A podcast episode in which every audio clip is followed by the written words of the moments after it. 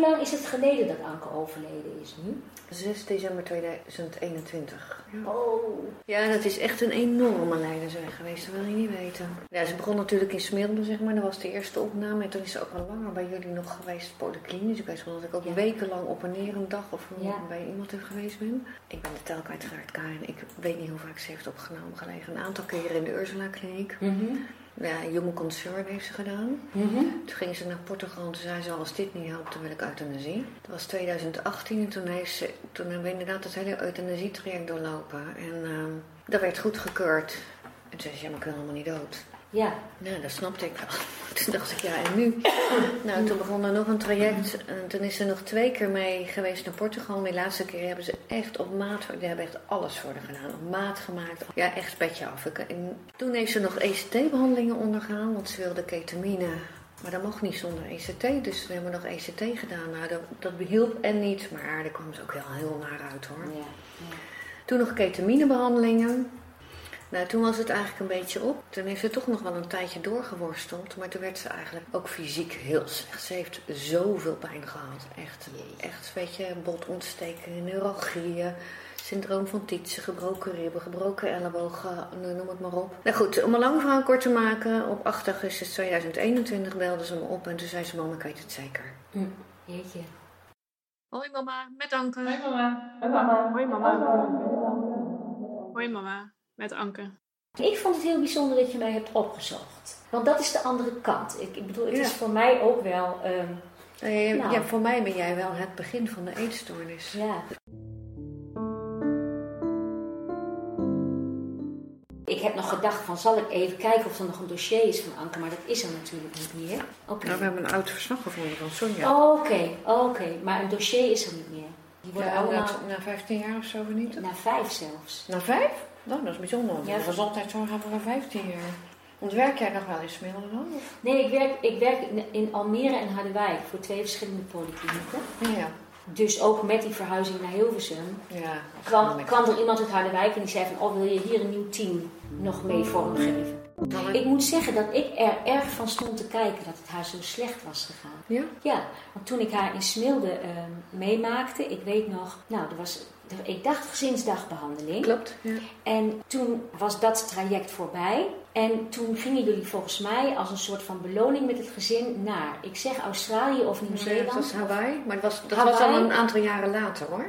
Is dat zo? Ja, dat is echt een, dat is vijf jaar, vijf, vier, vijf jaar later geweest. Want toen was ze nog wel in behandeling um, eh, in Smilde volgens mij. Ik heb een mandje. Ik heb het bij mijn verhuizing heb ik het, heb ik het uiteindelijk weggedaan. Ik dacht, ja weet je, heeft niemand meer wat aan. Daar zat, vond ik een kaartje in van jullie Ja. eh, uit Hawaii. Ja, toen zeiden we als, het, als je genezen bent, dan mag je naar Hawaii. Het was een soort droom van haar, we gaan naar Hawaii. En toen in die tijd ging het eigenlijk een heel stuk beter. We hadden ook wel een beetje de hoop van als we dat nou doen, hè, Ja, misschien helpt dat dan als laatste zetje. Maar Ja. eh, dat waren ook wel de beste jaren fysiek gezien, zeg Oké, maar, voor haar. ja. ja. ja, want dat herinner ik me. Nee, mooi hè? Nou ja, ik vond het mooi van jullie. Ik denk van nou, dan zit je op zo'n afstand in Smilde. En dan gaat zo'n zo'n meisje met haar ouders. Die gaan naar een eiland aan de andere kant van de, van de oceaan. En dan bedenken ze dat ze naar iemand in Smilde een kaartje moeten sturen. Dat is volgens mij een soort belofte die we toen gedaan hadden. Van, eh, maar ik denk dat we dat ook met jou besproken hebben. Ja, dat is wel besproken. Maar Ja. weet je dat je er dan aan denkt als je eenmaal aan de andere kant bent. Ja, ja, en je hebt vakantie en het is ontspannen met elkaar. En weet je, dat je er dan aan denkt. Anke is, even eens kijken, op 25 oktober 2004 in Smilde opgenomen. En ze was toen 14 jaar. En jij, Karin, je bent systeemtherapeut Ja, in Smilde. ja Kan je, inmiddels dus een andere poli. Maar ik was dat toen in Smilde, ja. Ja, kan je dat eens vertellen wat dat inhoudt, een systeemtherapeut? Ja, dit is heel breed. Weet je, eigenlijk, ik vind het een beetje een ingewikkelde term, want iedereen denkt dat ik verstand van computers heb. Nou, dat is geen sinds aan de orde. Het is gewoon niet. Ja, het is gezins- en relatietherapeut eigenlijk. En dat gaat over alle facetten van wat er gebeurt. Want ik bedoel, als je dochter anorexia heeft, of welke psychische stoornis dan ook, dan heeft zo'n kind dat niet alleen. Hè? Hè? Wat jij ook vertelt, Marga, je hebt het met z'n allen. Maarten last van gehad, daar heeft Kees last van gehad, heb jij last van gehad. Nou, niet in de laatste plaats Anke. familie leeft mee, vrienden leven mee. Dat is het veld waar, waar ik mij uh, in begeven heb, zal ik maar zeggen. En dan heb je allemaal ouders die dan uh, van vrienden en kennissen horen... nou, geef er maar eens een weekje met mij mee. Hè? Dan gaat ze heus wel eten. Niet in staat om te bedenken wat voor, voor impact dat heeft. Hè? Voor zo'n meisje en voor iedereen eromheen. Want wat heeft dat voor een impact? Iedereen die kinderen heeft, die weet hoe naar het is als je kind um, een paar dagen niet eet. Weet je, daar ga je de strijd over aan. Nog één hapje. Dat is alleen maar om zo'n kind in leven te houden. Dan krijg je een meisje wat veel ouder is. En al heel erg een eigen wil heeft en heeft gehad en alles goed heeft doorlopen.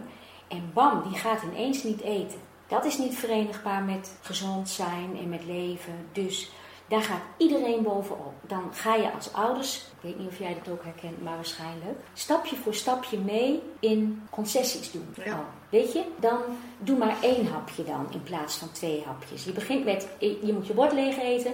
Nou, dan is twee hapjes, dan is één hapje is dan voldoende. Ja, maar dit is toch niet oké. Nou, zullen we dan komkommer halen? Ik noem maar even Ja, ja, iets. ja. Kijk, kijk, en het. En, en op het laatst eet je eigenlijk niks meer waar nog calorieën in zitten. Die herinner ik me heel erg. Nou ja, en dan kom je met z'n allen in een soort spiraal waar je haast niet meer uitkomt. En dan is het fijn, en ik hoop dat jullie dat tijdens de gezinsdagbehandeling ook hebben meegekregen, dat er weer mensen zijn die denken, doe, doe jullie eens even normaal met elkaar. We kunnen gewoon, je kan gewoon een ijsje eten en je kan ook, eh, weet je, dat.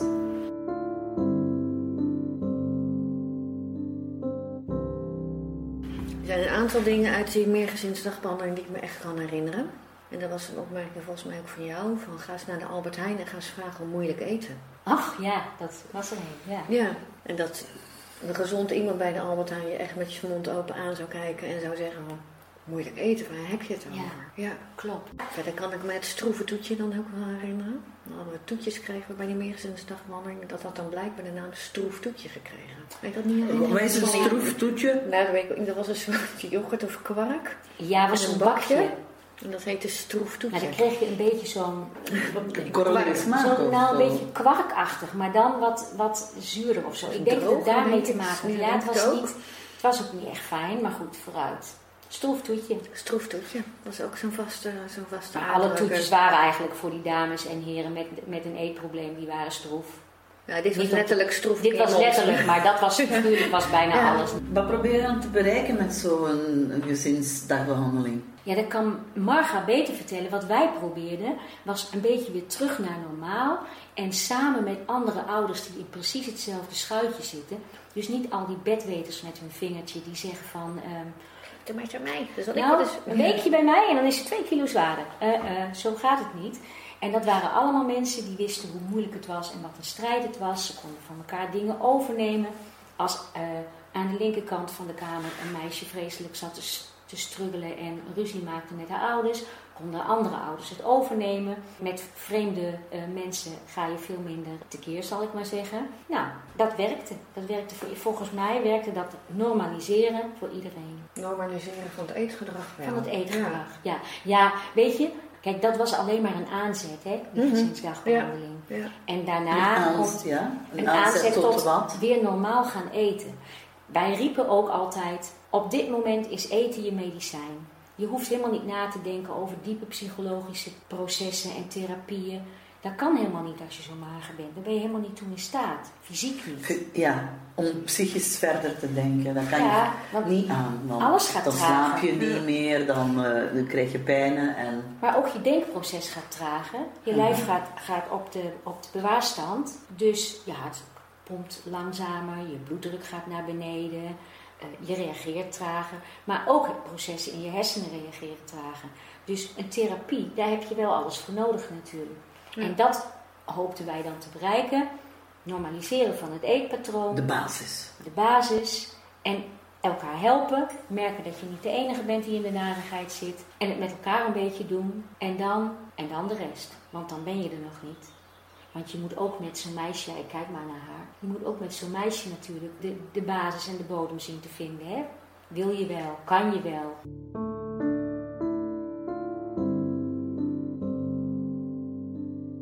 Een eetstoornis is eigenlijk een uiting van andere dingen. Ja, Gingen jullie daar heel erg naar op zoek in die tijd? Want in mijn herinnering ging het heel erg over eten. Klopt ook. Over de basis. Ja. Ja. Ja, over de basis. En dat Ja. had ook wel te maken met de meisjes die bij ons opgenomen waren in de kliniek. Die moesten het ook eerst hebben van die basis, want die waren vaak Ja. zo dun. Maar we gingen, wel eens op, we gingen zeker wel op zoek naar eh, wat onderlag hoor. Ja, ja. ja nee, dat, daar, Ja. daar heb ik ook niet aan getwijfeld hoor. Maar- retrospectief ik ga, ben ik natuurlijk ook enorm aan het denken wat is helpend Zeker. geweest en wat is helemaal niet helpend geweest. Hè? Als ouder zijnde, tenminste als, als moeder zijnde, heb ik ook het idee dat ze heel veel gekkigheid van elkaar nog leerden. Is ook zo. Maar ja, daar kan je ze toch niet voor behoeden. Nee. Dat, ja, dat Nee. is ook zo. In de kliniek is dat zo. Ik was net aan het denken, hè, als je de piramide van Maslow neemt, hè, dan staat de basisbehoefte om een mens in leven te Ja, houden is, is eten, slapen, slapen, eten, drinken, eten, drinken, Ja. ehm, ehm, gewoon normaal naar het Ja. toilet kunnen gaan. ehm. En de tweede staat dan dat sociaal contact met Ja. elkaar. Hè. Ja. Er staat eigenlijk twee op de Ja. piramide van Maslow. En dan Ja. pas komen Ja. alle andere dingen. Hè. Dus, eh, Ja, weet je, ik heb natuurlijk heel veel voorbij zien komen in al die jaren. hè, Aan therapie, Ja, aan, aan, natuurlijk. aan zin en maar ook aan onzin. Laten we dat Je hebt er waarschijnlijk meer verstand van dan ik inmiddels hoor. Ja, dat denk Nou, ik zeker. Ik, moet zeggen dat ik met enige regelmaat gedacht heb, zullen we ruilen van stoel? Dan had ik geen jou. Nee, dat weet ik. nee, dat weet ik. Maar, nee, maar snap je dat je echt van, nou, een gek grijs. En, Ja. en het antwoord is, nou ja, in Ankers geval dus ook gewoon nooit gevonden. En er, er zijn ook mensen geweest die zich zo met hart en ziel ingezet hebben. Ja. Ik bedoel, ik wil helemaal niet negatief doen over de geestelijke gezondheidszorg, maar er zit wel heel veel verschil in, in wat helpend is geweest. En daar zit ook heel veel verschil in.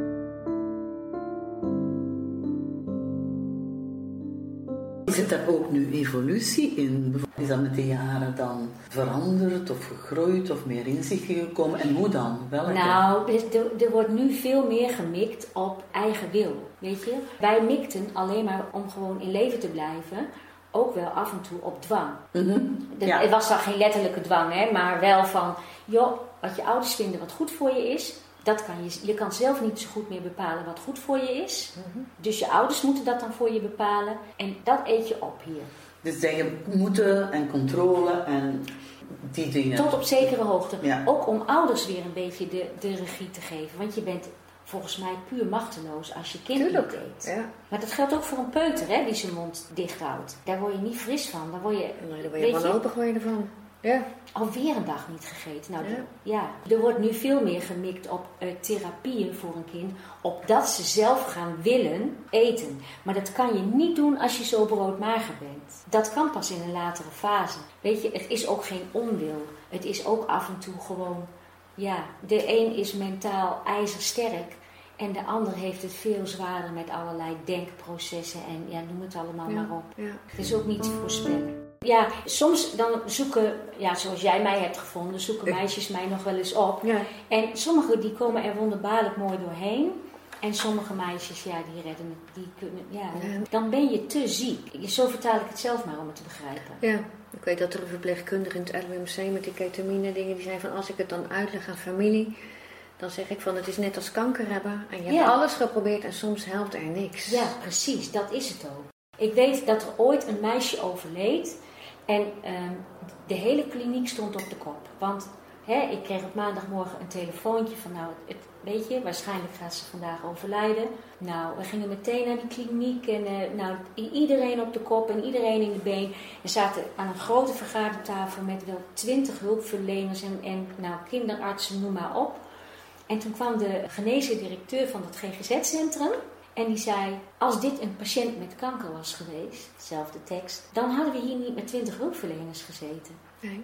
En iedereen denkt dat dit vermijdbaar is, maar dit is net zo goed niet vermijdbaar. Toen dacht ik: Ja, wij proberen het natuurlijk Natuurlijk. en dat doe je ook als verpleegkundige in een ziekenhuis, maar het is niet altijd vermijdbaar. Soms is het zo ingewikkeld.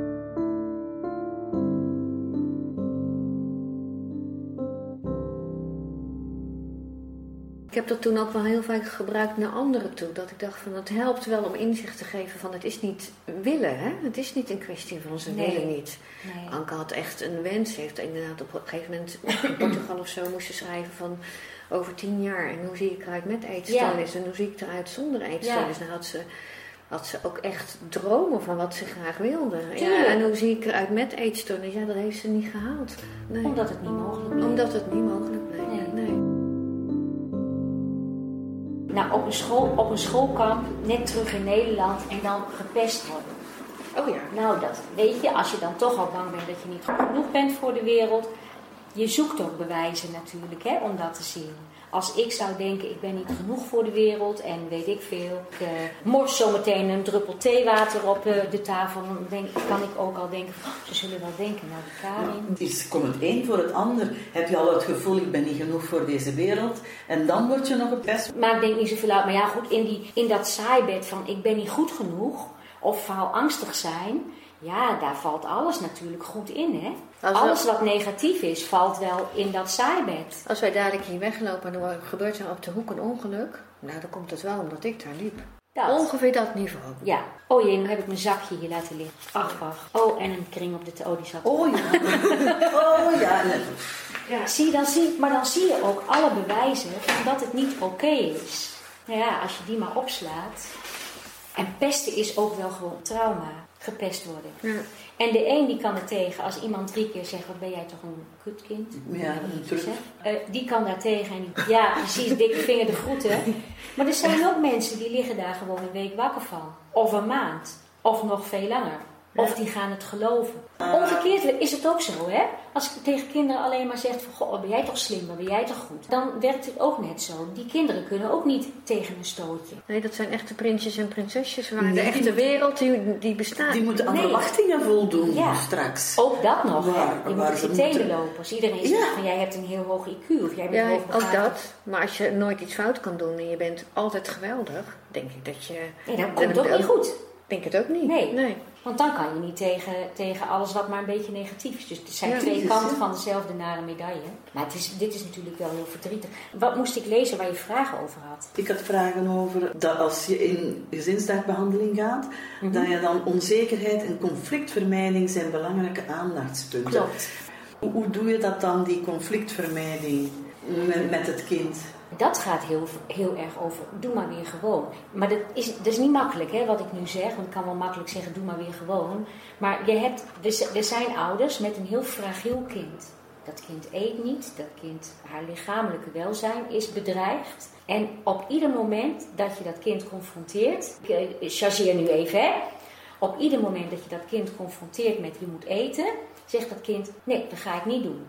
Als jij niet gaat eten, dan niet weet ik het veel dat. En dat wordt alles maar groter. Dat is een atoombom, zeg maar. Dan zeg je van, nou, ehm, je mag niet wandelen. Als ik niet mag wandelen, dan eet ik ook niet meer. Dan wordt alles, ja, alles wordt een conflict. groot en alles conflict. wordt eten. En dan, dan ga je voorzichtig worden. Ik weet niet of, of jij dat herkent. Soms is dat niet zo hoor. Maar daarom heeft dat. Je moet het conflict wel aan blijven gaan. En heel veel meisjes in die gezinsdagbehandeling, die zeiden uiteindelijk ook: ja, mijn ouders moeten niet opgeven. Herinner Ja. jij je dat? Nee, dat herinner ik Ja. me niet. Maar ik herinner me wel dat je denkt van... Oh, maar dan heb je tenminste dat nog binnen. Dan eet je alleen maar eierkoeken. Weet je, dat, Ja. dat je op een gegeven moment zo wanhopig bent... dat je denkt van... Dan, dan, het kan me niet meer schelen, maar dan heb je in ieder geval iets in je buik. Precies. Maar ik weet zeker dat jij niet gaat zeggen, eh, als je niet eet, dan mag je niet gaan wandelen. Zo, dat, dat soort Nee, was jij maar een voorbeeld. Maar ik wil maar zeggen... voor Op een gegeven moment wordt iemand zo slecht, wel, dat je, dat, je, dat je dat bijna aan de andere kant merkte ik ook wel. Op het moment dat ze een beetje vrijheid kreeg in, in bewegen. Want dat was natuurlijk ook altijd een ding. Ja, Dat ik wel het idee had dat ze zich dan kon ontspannen en dan wel weer gewoon weer een beetje Ja. normaler ging. Dat is heel erg balanceren van, van ja, dat, dat gewoon dan veranker. Dat, ja, wat is goed, wat is fout? Ja, blijkbaar heb ik het nooit geweten. Of tenminste, maar je Ja, kan ja, het ja, soms ja. ook niet weten.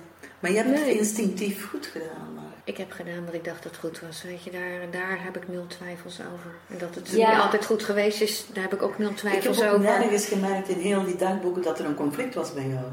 In het begin, wel eens. in het begin wel eens van, eh, ja, niet ik moet van mijn moeder eh, eten of zo. Of mijn moeder let op mij. eten. Maar er was die conflictueus voor. Ja, ik moet eerlijk zeggen dat ik ook wel eens echt wanhopig er bijna door elkaar geschud Ja. heb. En dacht, ik flikker je tegen de muur aan. Ik weet niet meer wat ik moet. Dat je zo wanhopig wordt dat je ook echt, nou ja goed, doodsangst was, was dus ook terecht. Hmm.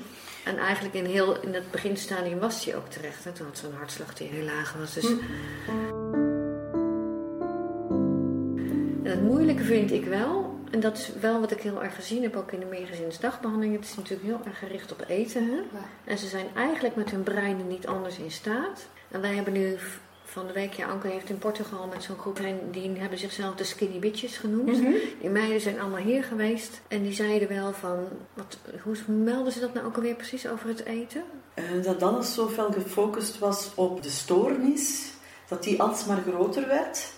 En nooit dus niet op de andere dingen. Ja, de- dat, je, dat het het weinig talentgericht was. Weet je, dat zij zeggen van, alles wat aandacht heeft groeit, wordt er natuurlijk gezegd. Klopt. Ze- Ja. En ik heb, wij hebben natuurlijk die dagboeken gelezen. Ze leerden natuurlijk ook de meest bizarre dingen van elkaar. ja, Ik, ik hoor jou ook nog een keer zeggen dat je zei van... Dan zag ik een meisje weglopen en dacht, die heeft altijd gesmokkeld. ja. Want je leest in Anker de verslag, na drie maanden was ze een kilo aangekomen. Ja. Nou, de flessen water lagen overal, weet Ja. je. En ik weet dat wij dan een smilde rijden voor die meergezinsdagbehandeling. En dan moest ze morgens vroeg op de weegschaal. En dan had ze zoveel gedronken dat het ongeveer de neusgaten uitkwam. Maar ook eigenlijk levensgevaarlijk, hè?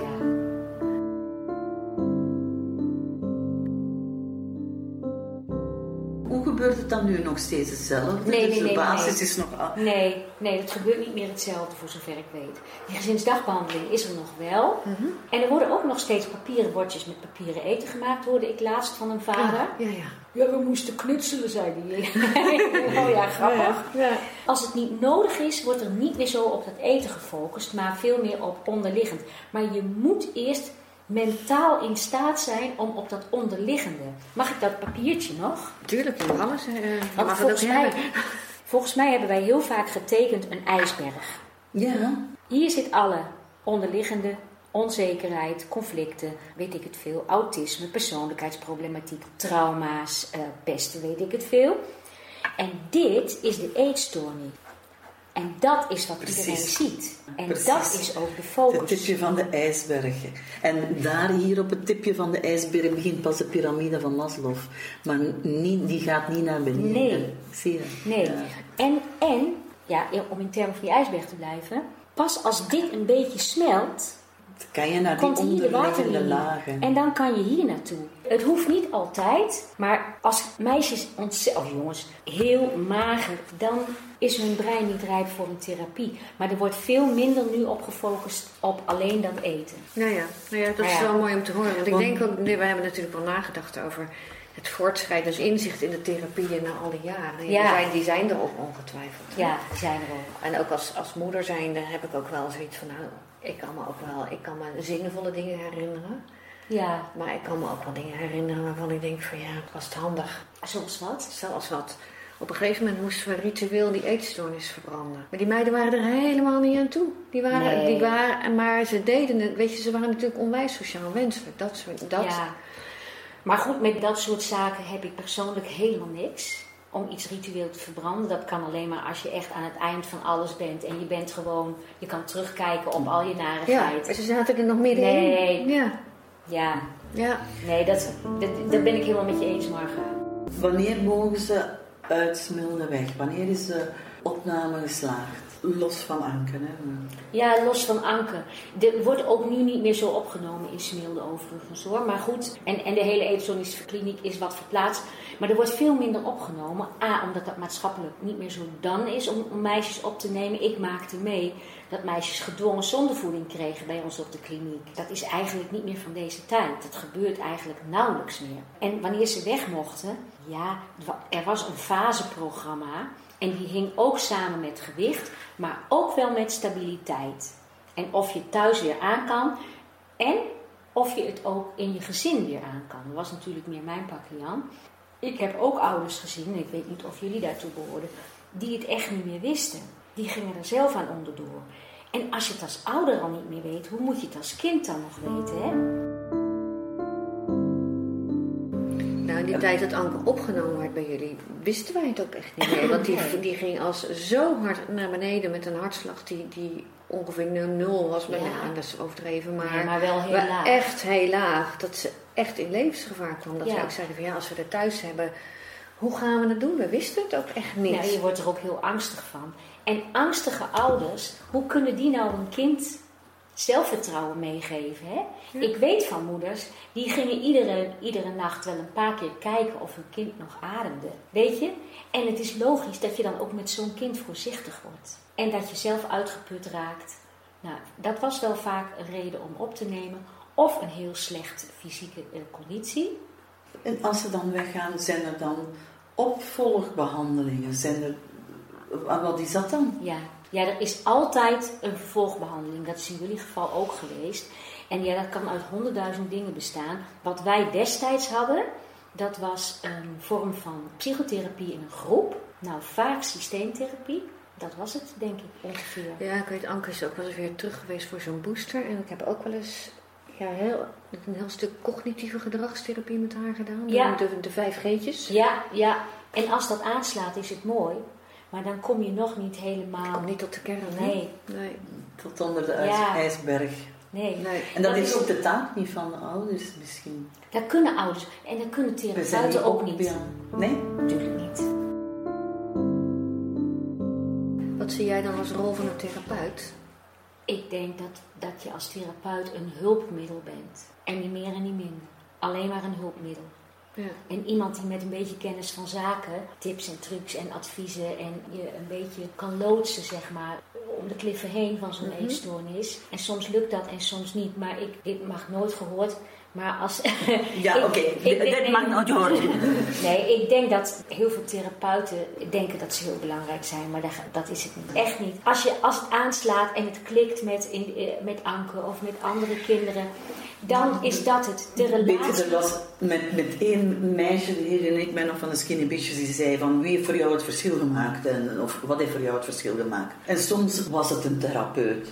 Soms. Heel soms Ja. was het, eh, in, in haar geval was het één therapeut met wie dat ze een klik had. Dat klopt. En die heeft het verschil gemaakt. Precies. Of één zinnetje. Of één, ja, Of dat, één dat, dat, zinnetje. had ik ook. Ja. Toe- ja, het is, echt, het is echt niet gelogen. Toevallig kwamen er deze week.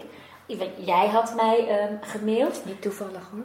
Nee, nee, maar het is wel toeval dat het plotseling twee, drie keer in een week gebeurt. Dat is me.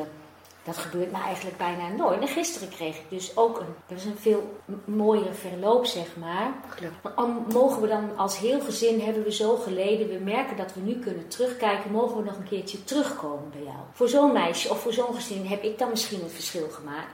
Maar voor heel veel ook niet. Wij zijn niet zo belangrijk. Op dat moment waren jullie voor ons wel Jawel. heel belangrijk Ja. hoor. Ja, Nee, wij voor waren dat ene kind heb jij het leven Ja, betekend. het maar- leven van verschil. Alleen, Maar ik bedoel, het zit hem niet in al die mooie, in die CGT of in een geprotocoleerde behandeling. Maar ik ben niet de enige, maar ik ben ook niet in, in een heel groot gezelschap, denk ik. Misschien als iedere psychiater diep van binnen kijkt, dat hij ook denkt, ja, ja, weet je. Het, je moet het hebben van de relatie, denk ik. Ik denk het ook. is ook onderzoek naar gedaan, maar goed, dat wordt niet breed meegenomen, want dat is niet grijpbaar en niet evidence-based. Zonder Dus vertrouwen ja. kun je niks, hè, zeggen ze. Helemaal en ik denk ook dat het zo werkt. Ja. Klopt het dat deze categorie cliënten moeite heeft met vertrouwen? Was het echt een ankering? Nee joh, nee, er is een enorm wantrouwen. Alleen al het wantrouwen van de eetstoornis, hè. Ze willen niks, ze willen me alleen maar vetmesten. Ze vinden mij niet aardig, ze willen me alleen maar laten eten. Dat is alles. Ja. En ze glimlachen vriendelijk en ze doen aardig tegen mij, maar ze hebben maar één. Bedoel je dat met de pseudo-identiteit? Want Nee, dat weet vroeg ik niet. mij af wat, een, wat betekent Dat is dat. niet van eh, mij. Even zien. Ja, dat, nou ja, dat is niet. Dit is een mooi woord, zeg. Dit is niet van mij afkomstig. Dit heeft alleen maar met het aangepaste te maken, weet je. dus Ja. Ik ben sociaal aangepakt. Ik, ik- Anke was. Ik heb Anke, geloof ik, nooit echt uit haar dak zien gaan of zo. Deze dan maar. Precies. En dat En is dat die pseudo-identiteit. Dat denk ik. Die je Ja, dan ontwikkelt. dus niet- zo. Maar dat gebeurt natuurlijk vaak, hè? Je gaat je aanpassen aan de omgeving. Lief, vriendelijk, slim, eh, begaafd. En dan al die narigheid maar binnenhouden. En niet tegen je vader zeggen of tegen je moeder zeggen... "Eh, nou, weet ik het veel. Of tegen de pesters op zo'n schoolkamp tekeer gaan.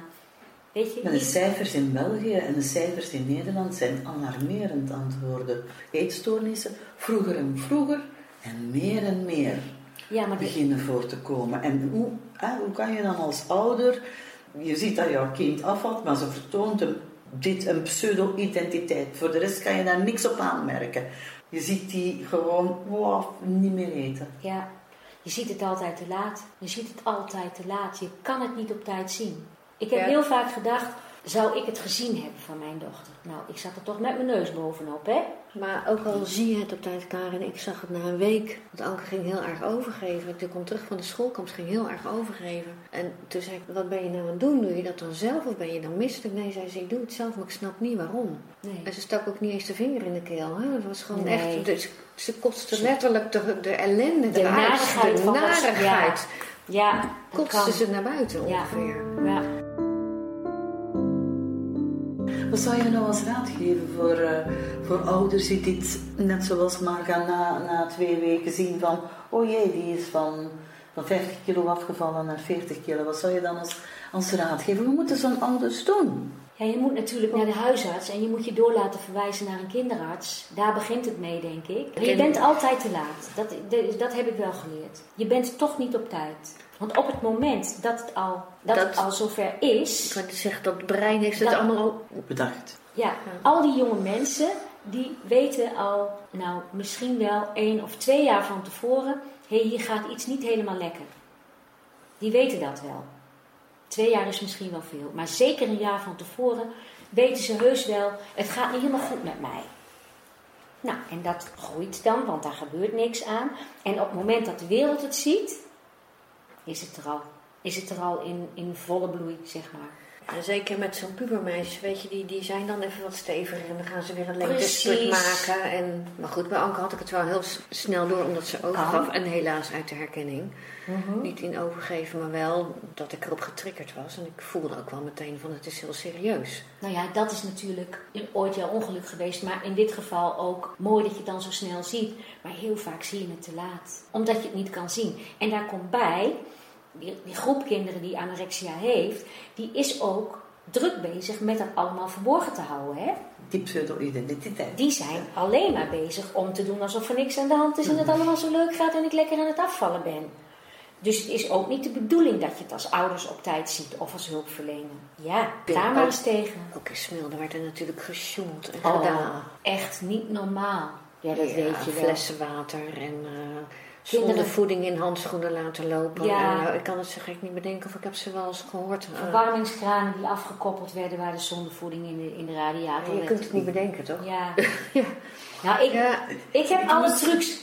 Ik moest soms echt, maar dat was dan om- omdat ik Anke ken, die humor kennen, die sarcastische humor ken. Maar die- ik heb vaak, dit zijn het dagboeken van Smilde, hè, maar ik zo moeten lachen af en toe van wat heb jij allemaal verzonnen Ja. met elkaar. Ja, weet je. Je kan zeggen, als ieder, iedere keer als iemand met ontslag ging, nou waarschijnlijk bij Anke ook wel gedaan, ik weet niet of ik daarbij was bij dat gesprek, dan zei ik, mag ik één truc van je? Ik vroeg altijd om één truc. Ik dacht, die zit maar weer in mijn koffer, dat, weet je? Dan kan je, kan ik kan ik weer herkennen. mooi. En Maar dat dan kan je was toch niet bijzonder. Behalve die kraan, kraan vind ik al een leuke. Ja, dat, nou ja. Maar eh, Eh, welke truc was er zo nog? Nou, er waren ook meisjes die wisselden, eh, die bewaarden een zondevoedingfles en die wisselden dat om. En die lieten dan een deel van de zondevoeding in de gootsteen lopen. En dan vulden ze dat aan met water, maar dan zag het er nog wel uit als zondevoeding. En dan deden ze die zak er weer aan. En dan hadden ze in plaats van gewoon zeg maar zoveel calorieën voeding, hadden ze gewoon de helft water. Het zag er nog wel als zondevoeding. Ja, en daar ben je ook niet zo op. Nou ja, in die tijd was ik niet meer op de groep en hoefde ik dat niet meer te controleren. Maar dat heb ik wel meegemaakt. Oh ja. Ja, ja. Vindingrijk. ja. Nou. Strijkijzers in de kleding. Hoe doe je dat? Hoe sta je in een nachtpon op een weegschaal met een strijkijzer onder je nachtpon zonder dat iemand het ziet? Anke had de gereedschapskist leeggehaald bij ons thuis. Want die moest dan ook voor controle, ook voor jullie volgens mij nog voor de nabehandelingen, iedere week op de weegschaal. En dan gingen de, weet ik veel wat voor moersleutels, hamers, dat ging dan in de ronde goed. Ja, dat is lekker zwaar. Ja, Ja. ja. vislood. Vislood Dat is wel handiger en dat wel makkelijker. Ja. Ja, hoe Nou krijg je ja. verzonnen, hè? ja, als je maar genoeg in paniek bent. Dan Ja, krijg ja, ik wil zeggen, in paniek kun je dus heel Ja. veel verzinnen. Dat is Ja. me ook wel opgevallen, ja. Dan vraag ik me af of ik dat erin moet laten, want dan brengt ze op ideeën natuurlijk. Nee, maar je hoeft zo niet. Het maakt ook niet uit. Nee, dat maakt Want- niet uit, ik weet Want ze hebben die ideeën toch wel. Had je het idee dat ze daar van elkaar ook heel, hele slechte ideeën leerden? Want soms heb ik dat wel eens gedacht, hè. Dat ik dacht van, Ik denk dat ze uiteindelijk, want op de groep in het huisje waar de kinderen opgenomen waren, waren ook wel gesprekken. En natuurlijk leerden ze elkaar ook trucs en, en dingen om Mhm. eh, onder het eh, wegen uit te komen Ja. of om lichter te worden. Maar in die groepsgesprekken waren ze volgens mij wel eerlijk en steunden ze elkaar ook wel. En dan was het ook wel van, ja, goh, weet je, je hebt er eigenlijk niks aan om iedereen voor de gek te houden, want in feite ben je zelf het slachtoffer. Ja, maar dat zeiden ze, maar dat voelden ze niet zo. volgens Nou, dat denk ik ook niet. Dat denk ik ook Maar ik kan me wel voorstellen, wat ik ook gelezen heb bij Anke, dat als ze naar huis gingen, het enige wat ze dan nog hadden was die eetstoornis die dan overbleef. Terwijl Ja, dan en voelden dan- ze zich meer thuis in Smilde, waar meisjes waren, waarmee ze nog andere dingen konden delen of gekkigheid doen, want uiteindelijk is dat lekker stout zijn. Precies. En bij elkaar uitwisselen of Klopt. eh, tienerdingen met elkaar Ja. uitwisselen of over programma's op tv of zo. Terwijl thuis was er alleen die ouders die natuurlijk bezorgd waren en intriest waren. En jij met jouw eetstoornis, Ja. waar je eigenlijk ook niet kon tegenvechten of de kracht niet had om er anders mee om te gaan. Dus soms voelde Smilde meer als thuis dan thuis. Dit heb ik geloof ik nooit zo Nee, ik denk niet dat dat... heb ik nooit zo gezien hoor. Ieder kind wil graag bij zijn ouders zijn. Maar wat wel lastig was, je bent een tijd ook uit je sociale omgeving. Hè? En vriendinnen haken af. Er zijn, er zijn eh, jonge mensen die hebben zo'n vet trouwe vriendengroep om zich heen. Dat werkt heel goed. Maar ja, als je zelf een beetje afstand houdt of je bent niet meer zo toegankelijk voor al die contacten, dan haken jonge mensen af. Die gaan door met hun leven en die gaan wel naar de kroeg en die En na, na twintig keer iemand vragen en dat hij nee zegt, de 21ste keer doen ze het niet meer. Nee. Dat heb ik bij Anke ook wel eens. En ze zegt, ik word nooit meer gevraagd. Ik zeg, ja, besef jij eens als jij iemand twintig keer vraagt en jij zegt altijd nee. Maar ja, ik wil er eigenlijk wel maar graag bij horen, maar het lukt me niet. Ik zeg, maar ik snap de ander ook heel goed. Dat Ja. is echt wel een dilemma, dus die snap ik wel. Ja, dat is ook ingewikkeld. En daarom wordt er nu ook zo nagedacht over een knip zetten in iemands leven door een opname. Soms kan het echt niet anders hoor. Maar het is nu niet meer zo, niet meer zo vanzelfsprekendheid dat je wordt opgenomen. Maar er zijn klinieken en die zijn, er, die zijn er omdat het af en toe toch nodig is. Soms Ja, is het als ouder ook heel fijn dat je denkt van ik weet het echt niet meer. Dat je zo wanhopig bent en dat je ook werkelijk ziet van als, als er niks gebeurt, dan komen ze binnen afzienbare tijd te overlijden. Mijn vriend, eh, die heeft zijn dochter naar Tine gestuurd, of iemand anders die Ja, zijn ja. dochter naar Sint-Truiden gestuurd heeft. En die verwachtte elke dag hè, Ja, dat, dat het telefoontje kwam. ja. Van ze heeft het niet gehaald. Tienen. Ja, daar ben ik ook nog geweest ooit. Ja, Ja? leuk. Ja. Ja. Leuven. Ja. En Ja. Leuven, ja. ja. We kwamen in het dagboekje van Anke ook de eetkritiek tegen. Och ja, dat is voor mij helemaal opgegraven. Ja. Is dat achterhaald inmiddels? Of, of besta- bestaat dat nog? Want daarvan, dat, dat is nou zoiets waarvan ik denk, als je het over zin en onzin in een behandeling hebt, denk ik, ze waren natuurlijk kampioen in naar elkaar kijken wie doet wat en wie eet er Ja. wat en noem het maar op. Dat ik denk van, je maakt het volgens mij ook niet makkelijk voor de dames onderling. Het was natuurlijk een soort, ook een soort competentie in wie, hoe in aankomen afvallen en wat, wat was dan het Klopt. beste. En de bedoeling was natuurlijk om dat opbouwend te laten zijn. Ja, ah, ah. Maar dat was natuurlijk niet zo. Er Nee. was een enorme competities eh, gaande Ja. over eh, eh, wie het slimste was en wie iedereen het slimste af was. Dus dat hele, het hele autocratische zal ik bijna zeggen, hè, van Mhm. de groepsleiding weet het allemaal en je moet doen wat de groepsleiding zegt, dat is eraf. Joh, als jij het niet wil eten, dan moet je het niet eten. Ja. En daar mag je best een beetje gas op geven. Maar, maar ja, Nou, daar ben ik wel blij om te horen. Want je, wij hebben met die eh, skinny bitches, zeg maar, die groep uit Portugal ook gesproken. En, en wat ze ook inderdaad allemaal zeggen van die eetstoornis, dat eten. Ze weten precies wat ze nodig hebben en noem het maar op. En focus je, want, maar het ligt, zit altijd onderliggend. En ik snap heel goed, hè, maar dat weet ik dan ook uit, uit de ankerverhaal, dat je soms geen keuze hebt en er moet er gewoon eerst letterlijk gevoed Ja. worden voordat je iets kan. Maar dat zij wel daar zeiden van het gaat niet helpen. Want we zijn al streng genoeg. Of van, hoe, weet jij nog hoe ze dat zeiden, Ina? Ja, we zijn al zo streng voor onszelf. ja, dat klopt. In alles. In alles behalve in. En, en dan is dat eten. Ja. Je hoeft niet zo bovenop te zitten. Ik ben er nog wel steeds van overtuigd dat het af en toe helpt om iemand gewoon even duidelijk te zeggen waar het op staat. hoor. Oh, dat denk ik ook. Er werd ook wel veel gepoezeld, zal ik maar zeggen. Hè? En met gepoezeld bedoel ik met lieve woordjes overhalen, dat soort dingen. Ja. Ik denk van ja, hoef je niet te doen. Ja. ja en dat ik- gaat, is nu wel echt anders. Het wordt veel meer op autonomie gefocust. Ja, nou ja, dat is ook Ja. mooi om te horen. Want ook, ook ieder kind in een eetstoornis is natuurlijk heel anders. En heeft onderliggende problematiek. En de behoefte ligt ergens anders dan in het niet eten. Want Klopt. uiteindelijk, dat is wat Anke ook de laatste week van haar leven zegt. Ja, ze zegt, je snapt het toch niet? Ik hou gewoon van lekker eten. Ik hoef het alleen maar in mijn mond te stoppen. ja. En toch lukt het me niet. Nee. Nee, daar zit het hem niet in. Niet Maar goed, er zijn ook in verschillende landen zijn ook nog wel verschillende. Ik denk dat het in België ook nou strakker is dan in Nederland. Ik weet niet zo goed wat beter is. Ik merk soms dat het heel erg helpt als je gewoon maar zegt wat het is. Komt ook omdat dat dicht bij mij ligt. En wat ik zei, al dat voorzichtige gedoe. In wat ik van Tine en Leuven weet, van Walter van der Eiken zat dat toen nog, dat is veel strenger. Geen contact hebben, Nee. baaf, totdat je zo Ja. voorbij gekomen was. Precies. Ja. En daar was geen consensus over te zoeken. Dus, daar, was, daar was geen conflict over. Dat was gewoon zo, hoppa. Ja, ja, ja. Daar ga je niet over onderhandelen. Ja. Je Heel krijgt je kind terug als het aangekomen is en anders niet. Heel in het begin, daar heb ik het wel echt over een periode van, nou, ik weet niet eens hoeveel, hoe lang geleden. Maar als meisjes niet voldoende aangekomen waren, zaten ze de hele dag op hun kamer. Nou, hoe kan je iemand zijn leven afpakken, denk ik nu. Twee stuks post als je in fase 1 zat. Oh, echt? Vier, vier stuks post als je... Ja, ja, is niet meer van deze tijd. Nee. En het was eigenlijk ook niet van die tijd. Dat spreek nog niet van zo lang geleden. Nee, ik ook Met, wel. eh, Nee, dat mocht dan bij Anke wel. Ik weet dat ze in Portugal kregen ze ook maar één keer in de week post. Moesten ze hun telefoon ook inleveren. Nou ja, dat soort dingen. Dit helpt niet om een eetstoornis te verslaan, hè?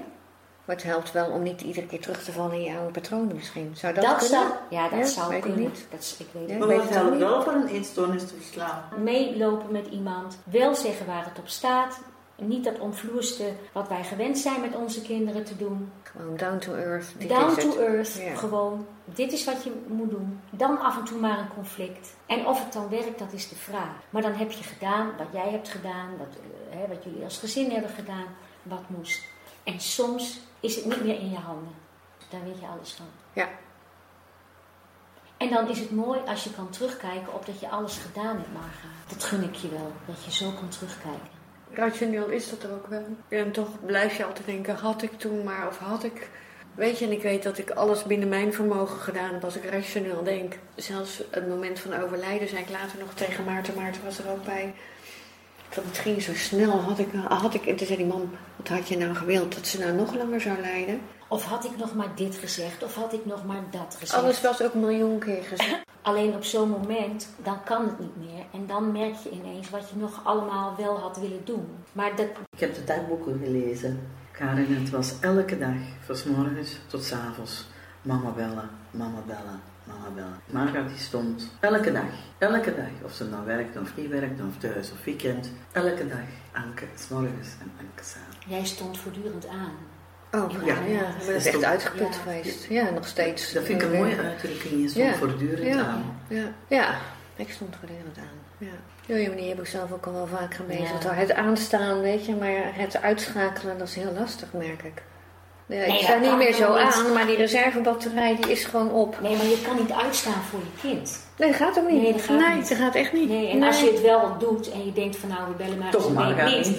Nee, maar dat kan niet. Natuurlijk Dat heb ik dat ook wel eens gedacht, heb ik ook wel geprobeerd, maar als hij dan zo slecht was, ja, dan, en eigenlijk is het nooit goed geweest. Hè? En ik weet ook dat ook de hulpverlening alles gedaan heeft. Hè? En, de en een met zij meer zelf succes ook, hè? en, dan de- en zij zelf ook. Ja, ja, ja, zeker. En ze is in liefde, in liefde weggegaan. Anders zaten wij niet hier snap Ik bedoel, als, wij, die, die podcast is eh, alles wat de meisjes zegt hebben, alles wat ik van iedereen hoor. Nu opnieuw van Marga. Ik ben bang dat ik niet genoeg gedaan heb.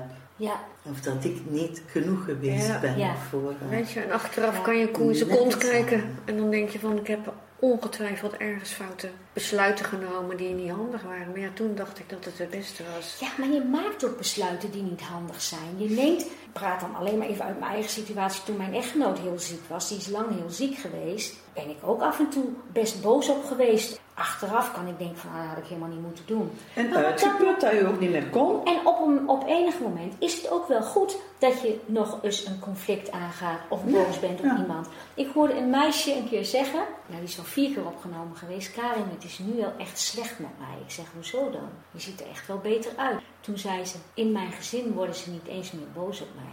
Ik doe er helemaal niet meer toe. Ze hebben het opgegeven bij mij. Ze doen het niet eens meer.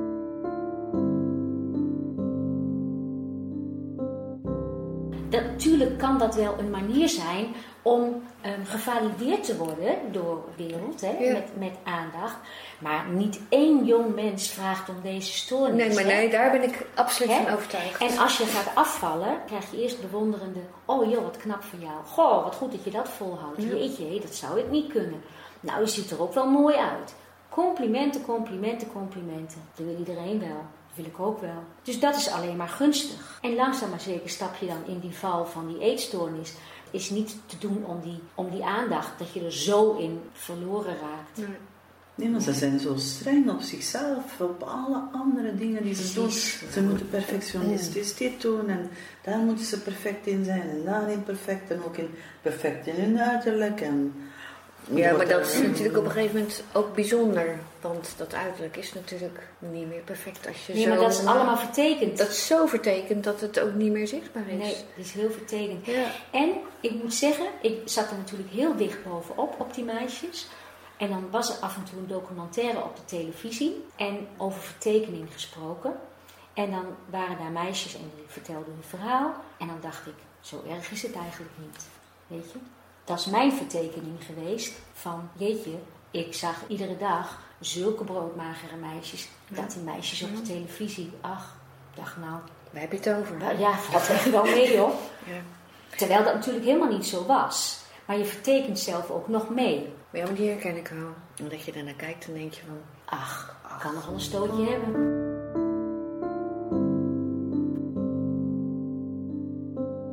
Ben wel benieuwd, heb jij nou ideeën? Want eh, we zien natuurlijk in, en we lezen in de kranten dat er telkens jongere, jongere meiden, of en ook jongens moet ik zeggen, Mhm. eh, een eetstoornis krijgen. Wat is de rol van de media? Of, of hebben de media juist een rol om het heel erg in de aandacht te brengen? Of is de wereld anders? Of worden onze kinderen heel veel in deze generatie als de prinsjes en prinsesjes opgevoed? En ja, de wereld is niet altijd leuk, laten we eerlijk zijn. Tenminste, ik eh, hou van mijn leven, maar ik vind de wereld ook niet altijd heel lief en leuk. Heb jij enig idee wat, wat dat zou kunnen zijn? Wat ik zeg is niet wetenschappelijk. Dat is alleen maar wat ik zelf zie, gewoon Mhm. om me heen. Ik heb niet de indruk, tenminste het was voor, tot voor kort, niet de indruk dat dit nou een enorme hoos aan eetstoornissen is hoor. Er, Mhm. er zijn wel veel meer kinderen met problemen. Nou, dat is pas nog in de media geweest. Ja. En ik denk wel dat heel veel jonge mensen, die zijn niet meer gewend om geconfronteerd te worden. Wij zijn echt aan het prinsen en prinsessen. Heb ik zelf ook al meegedaan met mijn kinderen. Nou, die zijn tegen de 40 inmiddels. En nu is het nog erger. En als ik kijk naar eh, kleinkinderen, alles wordt maar aan die kinderen gevraagd. Wil je dit, wil je Wil dat, je dit? dat? Of wil je dat? Of wil je zus? Of wil je zo? Laatst ging een oma naar het circus met haar kleindochter. Toen zei die kleindochter minuten, dit vind ik niet meer leuk. Oké, dan gaan we. Ik dacht, oké, dan gaan we. We zijn naar het circus gegaan. We gaan hier nog wel even blijven zitten. Maar goed, weet je, allemaal dat soort dingen.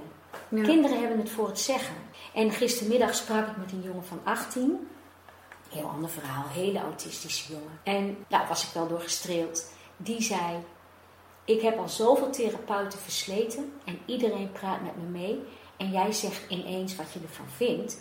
En dat je vindt dat ik gewoon in de benen moet. Ik zei, nou, dat vind ik ook zeker, jongen.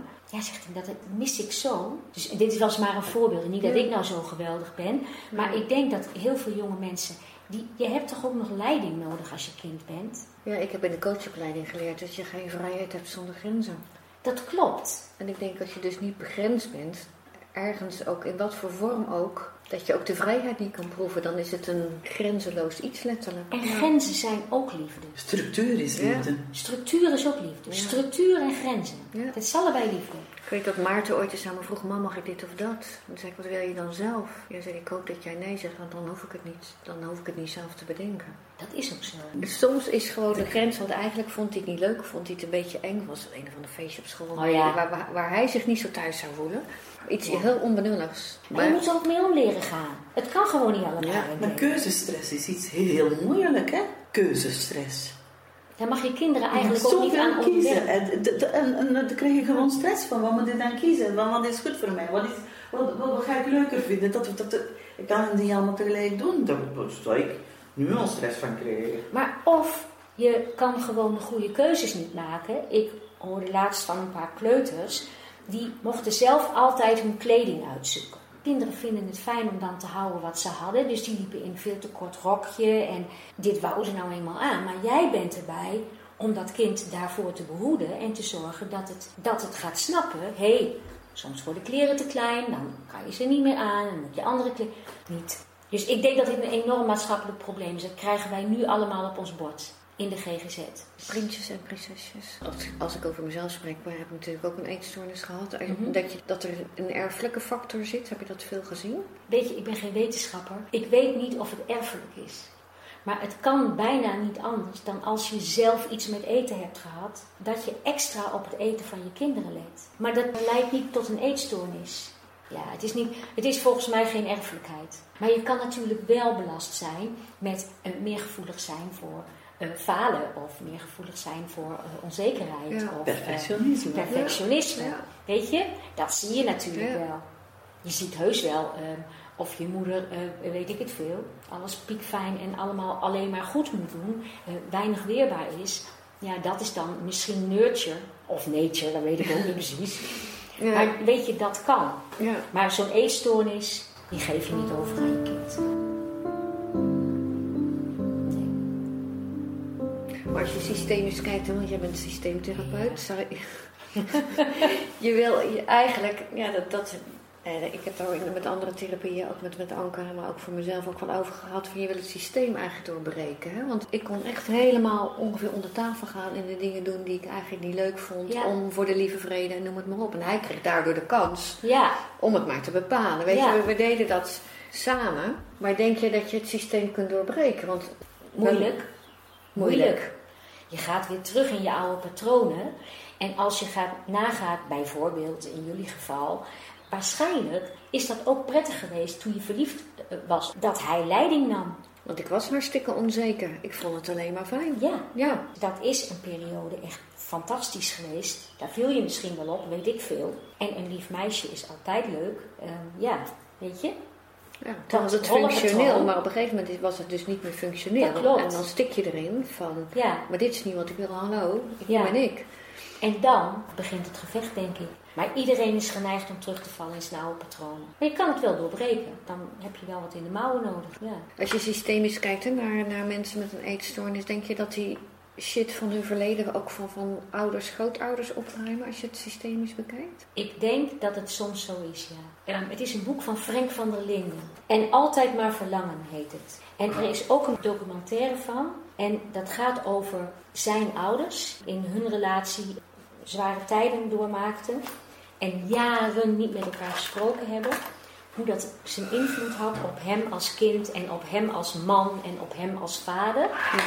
En dan zie je wel dingen door de generaties heen gaan. Ja. Dat denk ik zeker. Ja, en dit, dit is heel erg op die situatie toegesneden. Maar het is heel aardig om te lezen hoe je denkt dat je je eigen beslissingen neemt, maar dat je toch dingen meeneemt Uit, uit je gezin van herkomst. En dat gezin van herkomst neemt weer dingen mee uit. Ja, ja. Dat gezin, dus ja. Ja. En ook dingen die je niet zo leuk vindt. Karin, je zou nu, eh, als we afsluiten, wat zou je vanuit jouw jarenlange ervaring willen zeggen, zowel aan de meisjes en jongens met anorexia, als aan, laten we daarmee beginnen, zowel eerst aan de, aan de jongens en meisjes. Dan hoop je dat ze de kracht vinden ergens om eh, het leven te omarmen. En niet de stoornis, hoe moeilijk dat ook is. En zoek je steun. Vertrouw iemand. Of ja, heb maar vertrouwen. Mensen hebben het goed met je voor. Dat is wel een uitdaging, was dat. Dat is zo. Maar er Ja. zijn in mijn optiek, en dat, dat vind, dat, daar geloof ik ook zelf heilig in. Er zijn in deze wereld veel meer goede mensen dan mensen die je niet kan vertrouwen. Oh, zeker. ik geloof ik ook in. Dus de kans Ja. dat je zo'n slechterik treft, is niet zo groot. Dat vind ik. Ja. Dankjewel. Ja. En nu wil je nog iets over ouder voor ouders, zei je dat of niet? Ja, Blijf maar gewoon doen. En doe maar wat je, eh, je eerste ingeving is.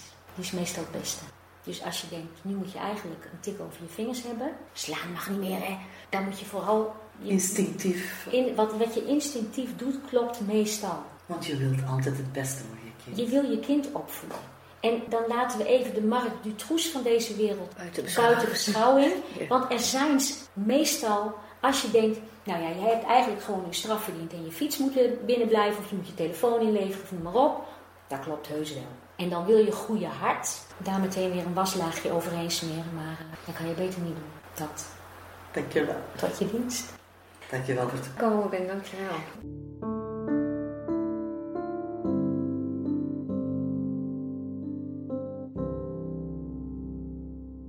Ik moet heel eerlijk zijn, ik dacht even van, goh, wat doe ik nou? Hè? Want dit is mijn werktijd. En hoe ga ik dat dan verantwoorden? Want ik denk, ja, dit hoort er gewoon wel bij. Zij wil, wil dat mijn verhaal, mijn leven, dat dit ook, als je dat vertelt aan anderen, die van anders daar iets aan heeft. Dat, het er, dat, dat ik het, het verschil maak. Precies. Als het maar voor één kind geholpen heeft. Ja. En dat geldt hier natuurlijk ook voor. Als één iemand hier ontzettend veel aan gehad heeft of aan gaat hebben, dan heeft het zin gehad. Ik werk bijna 40 jaar voor elkaar. Ik heb het graag gedaan.